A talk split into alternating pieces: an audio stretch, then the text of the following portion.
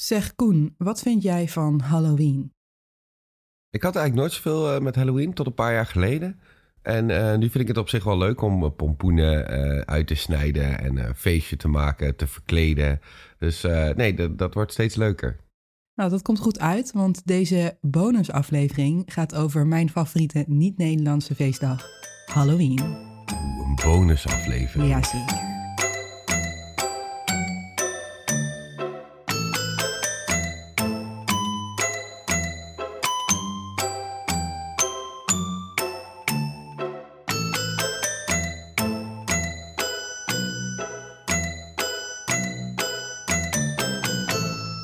Welkom bij weer een nieuwe aflevering van de Vermoorde Onschuld. Ik ben Koen. En ik ben Evelien. Daar is hij dan, onze allereerste bonusaflevering. Woe! Omdat we onze reguliere uploadschema hebben aangepast naar één keer per maand, dus één keer per maand een nieuwe aflevering, zal ik soms hopelijk tijd hebben om kleinere bonusafleveringen voor te bereiden. In deze kleine afleveringen kunnen we onder andere onderwerpen bespreken die te klein zijn voor onze normale afleveringen. En voor onze eerste bonusaflevering, deze aflevering dus, is dat een feestdag die ik heel erg leuk vind. Halloween. Halloween. Voor deze Halloween special gebruik ik het script van een aflevering die ik eerder over deze feestdag heb gemaakt. Voor luisteraars van de Morbide Zusters kan dit vooral daarom bekend voorkomen. De belangrijkste bron die ik destijds heb gebruikt was de documentaire The Real Story of Halloween van de History Channel uit 2010. In deze docu wordt globaal de oorsprong van deze feestdag verteld, van waar het vandaan komt tot het heden. Maar het is wel erg globaal, dus het is vrij algemeen. En de invalshoek was erg Amerikaans. En dat merk je ook wel aan mijn verhaal zometeen. Mocht je geïnteresseerd zijn in de meer complete en gedetailleerde geschiedenis van deze feestdag, dan raad ik het boek Trick or Treat: A History of Halloween van Lisa Morton aan. Dit is een erg informatief boek dat wel wat droog geschreven is, maar het is wel heel erg compleet en het biedt een meer wereldwijd perspectief. Een aanrader dus voor de liefhebbers. Dan onze standaard disclaimer. Het kan zijn dat er vertalingsfouten in mijn tekst zitten, ondanks dat ik daar echt heel erg op probeer te letten. Daarnaast zijn Koen en ik geen journalisten, onderzoekers of geschiedenisexperts of Halloween-experts, maar slechts amateur podcastmakers. En amateur Halloweeners. dat ook. Halloween is ontstaan uit de Keltische feestdag. En nu komt hij, want volgens mij spreek je het uit als Samhain. Ik heb meerdere bronnen geraadpleegd voor de correcte uitspraak hiervan. En ja, volgens mij is het Samhain. Deze feestdag werd duizenden jaren geleden op 31 oktober gevierd om het nieuwe jaar te verwelkomen. De Kelten maakten toen namelijk onderscheid tussen een lichte helft en een donkere helft van het jaar, waarbij het voorjaar en de zomer als licht werd gezien en de herfst en de winter als donker. Het feest zelf stond grotendeels in het teken van het vieren van de oogst. Daarnaast geloofden de Kelten dat er bij de overgang van licht op donker een deur open kwam te staan tussen de aarde en de geestenwereld. Geesten zouden op dat moment kunnen oversteken naar de aarde, maar andersom zouden mensen kunnen komen te verdwalen in de geestenwereld. Zoiets hebben ze ook in Mexico, toch, of niet? Dat je over kan stappen van de doden naar de naar levende wereld. En van je de hebt toch die film van Pixar, Coco. Coco. ja. Zeker, daar heb ik iets van. Gebaseerd op uh, goede feiten. en uh, die feestdag, die Mexicaanse feestdag, die wordt ook besproken in dat boek wat ik net aanraadde. Ah, oké. Dat valt onder het meer wereldwijde perspectief. Vond ik wel interessant om te lezen in dat boek trouwens. Ja. Nogmaals, leestip. Om Samhain te vieren werden er vreugdevuren ontstoken. En als tukker moet ik dan toch altijd meteen denken aan het paasvuur, wat ook een mooie heidense traditie is. Deze vreugdevuren trokken alleen wel insecten aan, want ja, als het donker is, trekt licht nu eenmaal insecten aan. En wie eet graag insecten? Vleermuizen. Vleermuizen. Dit is schijnbaar waarom vandaag de dag vleermuizen nog steeds één van de symbolen van Halloween is. Volgens die documentaire op de History Channel. De reden dat deze oude Keltische feestdag de basis vormt voor het huidige Halloween, hebben we trouwens te danken aan aanhangers van het christendom in de vroege middeleeuwen. Terwijl het aantal christenen destijds in het Westen flink toenam, hebben ze heidense rituelen deels overgenomen en aangepast, omdat het zo makkelijker was om heidenen te bekeren tot het christendom. Een andere heidense feestdag die in die tijd door christenen is overgenomen is Lemuria. En ik heb geen idee of ik dit correct uitspreek, want ik kon nergens een goed voorbeeld vinden van hoe je dat moet uitspreken. Dit was de dag waarop de doden werden gevierd en deze viering vond jaarlijks rond 14 mei plaats. Op deze dag kwamen de geesten van de doden op aarde om rond te spoken en om mensen bang te maken. Ik krijg daar wel een komisch beeld bij, als ik heel eerlijk ben. Ja, ik denk die mensen toenmalig niet, maar... Nee, dat eh, denk ik ook niet. Maar het is ja. toch best wel dat ik denk... Ja, wacht maar, als ik dood ben, dan eh Ja, kom ik je kom ik op die eh, dag kom ik even, kom, kom ik even langs om jou bang te maken. Ja, Om ervoor te zorgen dat het bij hen niet gespookt zou worden, brachten heidenen offers aan de doden in de vorm van cakejes of door melk op graven te gieten.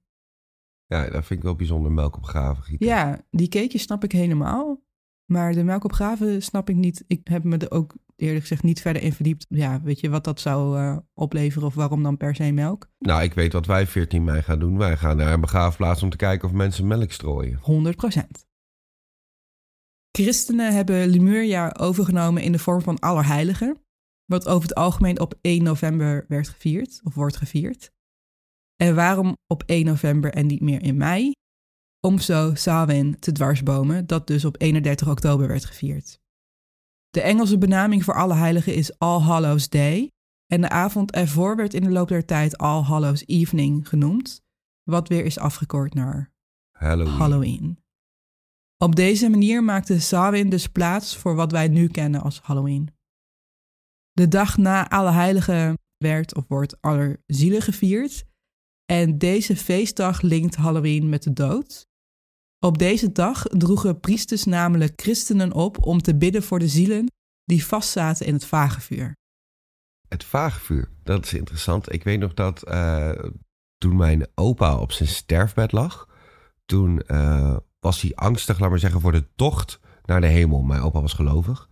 En eh, toen heeft hij zich laten balsemen, Hm. waardoor die tocht, laat maar zeggen, door het vagevuur, Ja, eh, ehm, makkelijker beter, ging? ja, beter zou gaan. Of- Of, dat hij beschermd zou worden, Ja. laat maar zeggen, tegen het vagevuur om, eh, om door te gaan naar de hemel. Maar is het letterlijk ehm, bedoeld van, oké, dan heb jij iets om je heen wat jou beschermt tegen het vuur waar je sowieso doorheen moet? Of is het ook om er te voorkomen dat je vast blijft zitten in het vage vuur? Weet Durf dat? het niet te zeggen. Ik denk dat het beide was. Ik vond het bijzonder dat er een priester bij ons in, de, Ja. het ziekenhuis kwam om te balsemen, laat maar zeggen. Ja. En om iemand, eh, dat dat nog steeds gedaan werd, want het is een paar jaar geleden. Wel mooi. Als je gelooft, is dat Is een dat wel mooie... mooi? eh, ja, ik denk ook dat je heel angstig wordt voordat je dood bent. Dat denk Zoals ik de meeste mensen vrij angstig worden voordat ze doodgaan. Terug naar ehm Allerzielen, waarbij priesters dus eh, christenen opdroegen om te bidden voor die zielen die vastzaten in het vage vuur. Zielen zaten hierin vast totdat ze naar de hemel mochten gaan. En ja, dat kan je je voorstellen, dat zou geen pretje zijn, want vuur. Hoe meer mensen zouden bidden voor deze zielen, hoe sneller een ziel naar de hemel kon gaan. In de middeleeuwen gingen kinderen daarom langs de deuren om te bedelen voor zielencakejes. Dit waren kruidige cakejes met rozijnen, die schijnbaar erg in de smaak vielen bij kinderen. Want in ruil voor deze cakejes boden ze aan om te bidden voor de zielen die vastzaten in het vagevuur. Vind ik slim van de kinderen van die tijd. Ondernemers. Een ander symbool wat bij Halloween past zijn heksen. Iets wat overigens deels uit misogynie is ontstaan. Zoals je weet zijn er meerdere periodes in de geschiedenis geweest waarbij voornamelijk vrouwen werden beschuldigd van hekserij. Ik zeg voornamelijk, want ja, ook zeer zeker mannen werden hiervan beschuldigd. Maar toch ook echt wel veel vrouwen.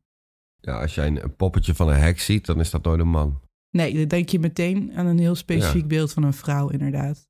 Een heel negatief beeld, vaak ook. Ja, een frat, lange neus. komt hier een kat in één keer naar binnen gerend. Het ging waarschijnlijk om vrouwen die als excentriek werden gezien. Eh, denk hierbij aan vrouwen die zich bezighielden met geneeskunde en hiervoor kruiden en smeersels gebruikten.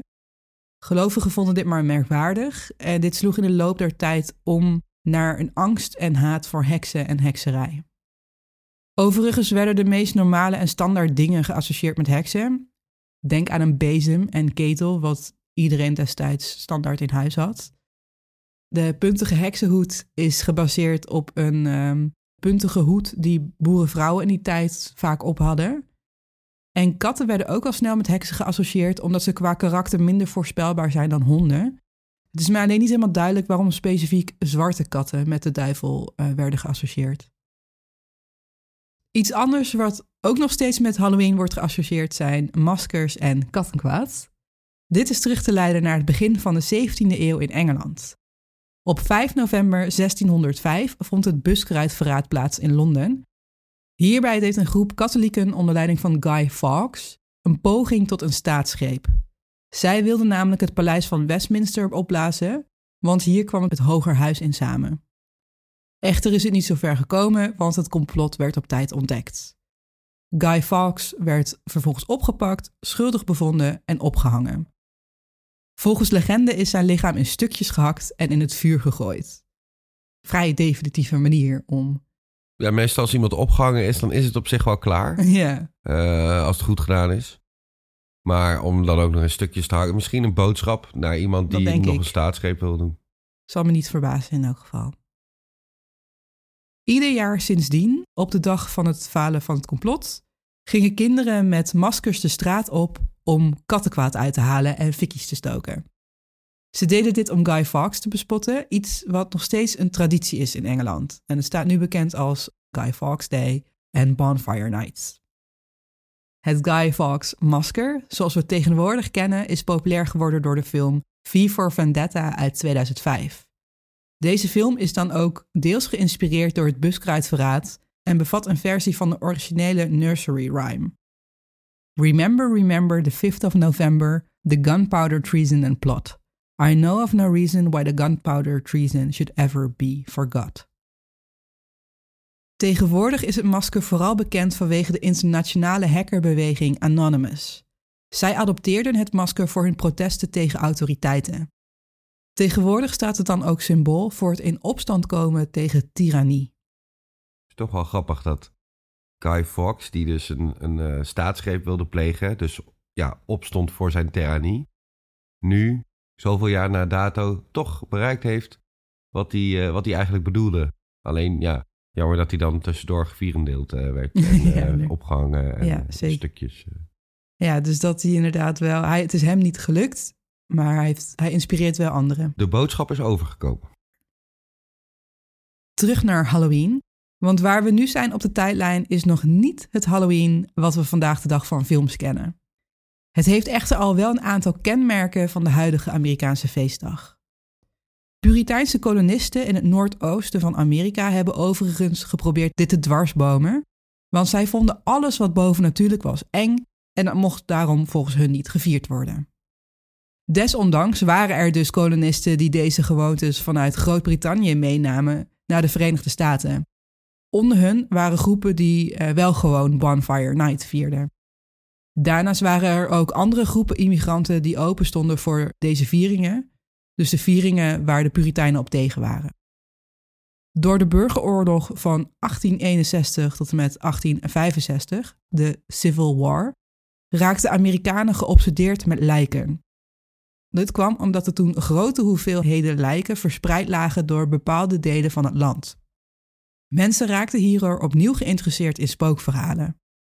Dit, uh, samen met volksverhalen van Schotse en Ierse immigranten, vormt de basis van het huidige Amerikaanse Halloween. Het waren trouwens de Schotten die de boogeyman, de boeman, hebben meegenomen. De boeman is een soort mythisch wezen dat voornamelijk kinderen bang wil maken, maar niet alleen kinderen. Daar is toch ook een film van? Ja, er is zelfs een nieuwe film nu van uit. Oh, dat je drie keer in de spiegel iets moet zeggen of zoiets? Nee, dat is toch Bloody Mary? Oh. En Candyman of zo? De Candyman was dat, ja. Sorry. Dat ja. Is, ja, dat is wel een variant op ja, de uh, Boogeyman. Maar het vooral op Halloween zou zijn dat hij, de Boogeyman, dus de boeman, zich achter elke hoek zou verstoppen om je te willen laten schrikken. Ook de Jack-o'-lantern dit is een uitgeholde pompoen waarin een eng gezicht is gesneden, komt van oorsprong uit Groot-Brittannië. Deze pompoen, die als lantaarn wordt gebruikt, is namelijk gebaseerd op de legende van een man genaamd Jack. Jack werd door de duivel uit de hel verbannen, maar kreeg van hem wel wat sintel, dus wat gloeiende hout of kolen mee. En Jack plaatste die sintel in een uitgeholde knolraap. Zo creëerde hij een lantaarn waarmee hij doelloos over de aarde dwaalde. Wat heb je gedaan om verbannen te worden Ja. van de duivel? Wat voor persoon ben je dan? Ja. Kinderen in Amerika gebruikten voor Halloween in plaats van knolrapen pompoenen, want die waren natuurlijk een stuk groter en ze zijn ruim beschikbaar in het najaar. De enge gezichten die ze erin sneden hadden als doel om mensen af te schrikken of bang te maken. Aan het begin van de 20e eeuw werd de visuele uitstraling van Halloween bepaald door de kunstenaars van die tijd. Zij gebruikten hiervoor voornamelijk de kleuren zwart en oranje en afbeeldingen van vleermuizen, skeletten, spinnenwebben en jack-o'-lanterns. Maar er werd ook wat nieuws toegevoegd, namelijk een spook in de vorm van een wit laken. Dit laken is gebaseerd op het witte laken waar vroeger lijken in werden bewaard en opgebaard. In Nederland kennen wij dit als een lijkwade. Rond deze tijd kwamen tevens oude tradities weer in nieuw licht te staan. De afbeeldingen waren griezelig, maar hadden ook wat ondeugends. En er kwamen daarnaast ook nieuwe tradities bij. En een van deze tradities is waar het woordje trick van trick or treat vandaan komt. Tussen 1900 en 1920 begonnen jongeren zich namelijk steeds meer te misdragen. Maar in de Roaring Twenties, in de jaren 20 van de vorige eeuw, begon het echt uit de hand te lopen. Waar het eerst om grapjes en kattenkwaad ging, door bijvoorbeeld pompoenen kapot te gooien, ging het nu om levensgevaarlijke acties. Zo lieten jongeren in die tijd trams ontsporen, deden ze mensen opzettelijk pijn en stichtten ze grote levensgevaarlijke branden. In grote steden stond Halloween dan ook bekend als Hell Night. In plaats van kattenkwaad ging het inmiddels dus om criminele acties. Maar je moet je voorstellen dat jongeren in die tijd ontzettend arm waren en simpelweg niet veel te doen hadden. Er moest dus naar een alternatief voor ze worden gezocht, iets wat ze van de straat hield of op de juiste manier op straat bracht. De oplossing hiervoor was het introduceren van speciale Halloween-activiteiten zoals feestjes en optochten. Ook bedrijven zagen hier wel wat in, want die kregen dollartekens in hun ogen. Zij zagen natuurlijk een manier om hier geld aan te verdienen. Dat waren die kinderen die die eh cakejes, zullen we maar zeggen, die zijn De later... afstammelingen eh, van die ja, kinderen, dat precies. zijn die, Dat eh, zijn die, die CEO's. ja. ja. Waar voorheen Halloween-kostuums nog thuis werden gemaakt, besloten bedrijven deze op grote schaal te produceren voor verkoop. In het begin waren deze kostuums gemaakt van papier, maar dit was niet ideaal. Papier is namelijk nogal brandbaar. Dus iedereen vloog in de fik. Ja, het kwam schijnbaar regelmatig voor dat kostuums in de fik vlogen. Niet bepaald veilig dus. Uiteraard zochten bedrijven daarna naar manieren om de kostuums meer duurzaam te maken. Nylon. Nylon en polyester. Ja, Meer duurzaam, maar niet meer brandveilig. nee. Dit zorgde er ook meteen voor dat er nieuwe soorten kostuums werden geïntroduceerd, gebaseerd op wat destijds populair was in de media. Naast feestjes en optochten werd ook officieel het trick-or-treating geïntroduceerd. Het treat-gedeelte is dus schijnbaar deels gebaseerd op de christenen met de zielencakejes uit de vroege middeleeuwen slash middeleeuwen. Het trick-gedeelte is een dreigement met knipoog naar het vandalisme van de Roaring Twenties. Trick-or-treating zelf is dus nog helemaal niet zo oud. Het is eigenlijk pas echt ontstaan in de eerste helft van de vorige eeuw. Maar goed, het duurde in de 20e eeuw dus niet lang voordat Halloween uitgroeide tot een feestdag dat massaal werd gevierd in de Verenigde Staten. Uiteraard speelt de media hier ook een grote rol bij.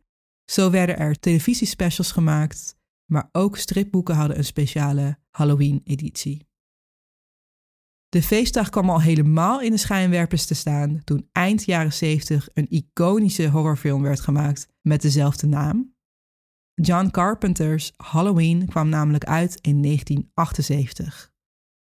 Voor die tijd was er nog nooit echt een film uitgebracht met eh, Halloween als thema. John Carpenter is echt een pionier als het gaat om horrorfilms. Dankzij zijn film werd het horrorgenre opnieuw leven ingeblazen. En Halloween staat bekend als een van de eerste slashers die er is gemaakt. De echte eerste slasher zou overigens Black Christmas uit 1974 zijn. Slasher is dus toch iemand gewoon eh, met een mes, laat maar zeggen. Scream. Scream is echt een slasher. Dat er echt zo'n seriemoordenaar eh, Ja. iedereen kapot snijdt. eh, ja, dood wil maken. Ja. Een iconisch onderdeel van de Halloween-film is het masker van Michael Myers, de antagonist van de film. Omdat er bijna geen geld beschikbaar was voor kostuums en dergelijke, moest de production designer op zoek naar goedkope alternatieven. Hij vond ergens een mislukt masker van Star Trek's Captain Kirk, van acteur William Shatner. En dit masker was echt perfect voor eh, Michael Myers. Het zag er super vreemd en onheimlich uit. Het masker is inmiddels zo bekend dat het nog steeds met de feestdag Halloween geassocieerd wordt. Sterker nog, dit masker heeft veel impact gehad op de productie van Halloween-maskers, want het heeft ervoor gezorgd dat eh, deze opnieuw gedefinieerd werden. Tegenwoordig is Halloween echt big business, ook in Nederland. Want als ik door de stad heen loop, dan zie ik dat de HEMA Halloween spulletjes heeft, eh, Action, The Flying Tiger, noem maar op. Waar het in de vorige eeuw nog een feestdag voor kinderen was, is het nu voor zowel kinderen als volwassenen. Maar het blijft natuurlijk iets speciaals voor kinderen. En voor volwassenen zoals ik, die diep van binnen altijd 12 jaar oud zullen blijven. Dit was onze bonusaflevering over Halloween. Ik hoop dat jullie het superleuk vonden. Eh, we hebben natuurlijk ook weer een gezegde voor jullie, zoals altijd, gegenereerd door ChatGPT. Met pompoenen gesneden en geesten die dwalen, op Halloweenavond laten we onze angsten verdwalen. Supermooi. Ja, ik vind hem oprecht heel mooi en oprecht passen bij het verhaal van net. Ja, ik ben wel benieuwd wat het precies betekent. Ja, daar moet je niet te lang bij stilstaan. Ik hoef het is een, eh, het is AI. Ja, het is AI. Ik denk niet dat iemand dit ooit gezegd heeft, maar dat maakt niet uit. Nee, natuurlijk niet. Eh, ik vind hem leuk. En ook deze bonusaflevering wil ik afsluiten met kijk- en leestips. Mijn eerste kijktip is de film Totally Killer. Als je Happy Death Day een leuke film vindt, dan vind je dit waarschijnlijk ook een toffe film. Het is een soort Back to the Future, maar dan een slasher. Dan de tv-serie Goosebumps op Disney+. Ik heb als kind de Goosebumps boeken echt verslonden. En uiteraard de tv-serie uit de jaren 90 ook gekeken. Op Disney Plus is nu een nieuwe tv-serie te vinden gebaseerd op de boeken van R.L. Stein. Dan de tv-serie True Blood, wat sinds kort op Netflix staat. Daarnaast heb ik dus als leestip het boek Trick or Treat: A History of Halloween van Lisa Morton. Vind je het leuk om naar ons te luisteren? Vergeet dan niet bij ons te volgen in je favoriete podcast-app en een goede review achter te laten. Mocht je ons echt super tof vinden, kan je ons steunen door naar fooiepot.nl te gaan en te zoeken op de vermoorde onschuld. Daar help je ons echt enorm mee. Je kan ons ook volgen op social media. Wij zitten op Instagram, TikTok en Facebook. En mocht je meer informatie over deze aflevering willen, dan kan je deze vinden in de show notes. Heb je tips of suggesties? Dan kan je die mailen naar de vermoorde onschuld podcast@gmail.com. Bedankt, voor het luisteren en tot de volgende keer.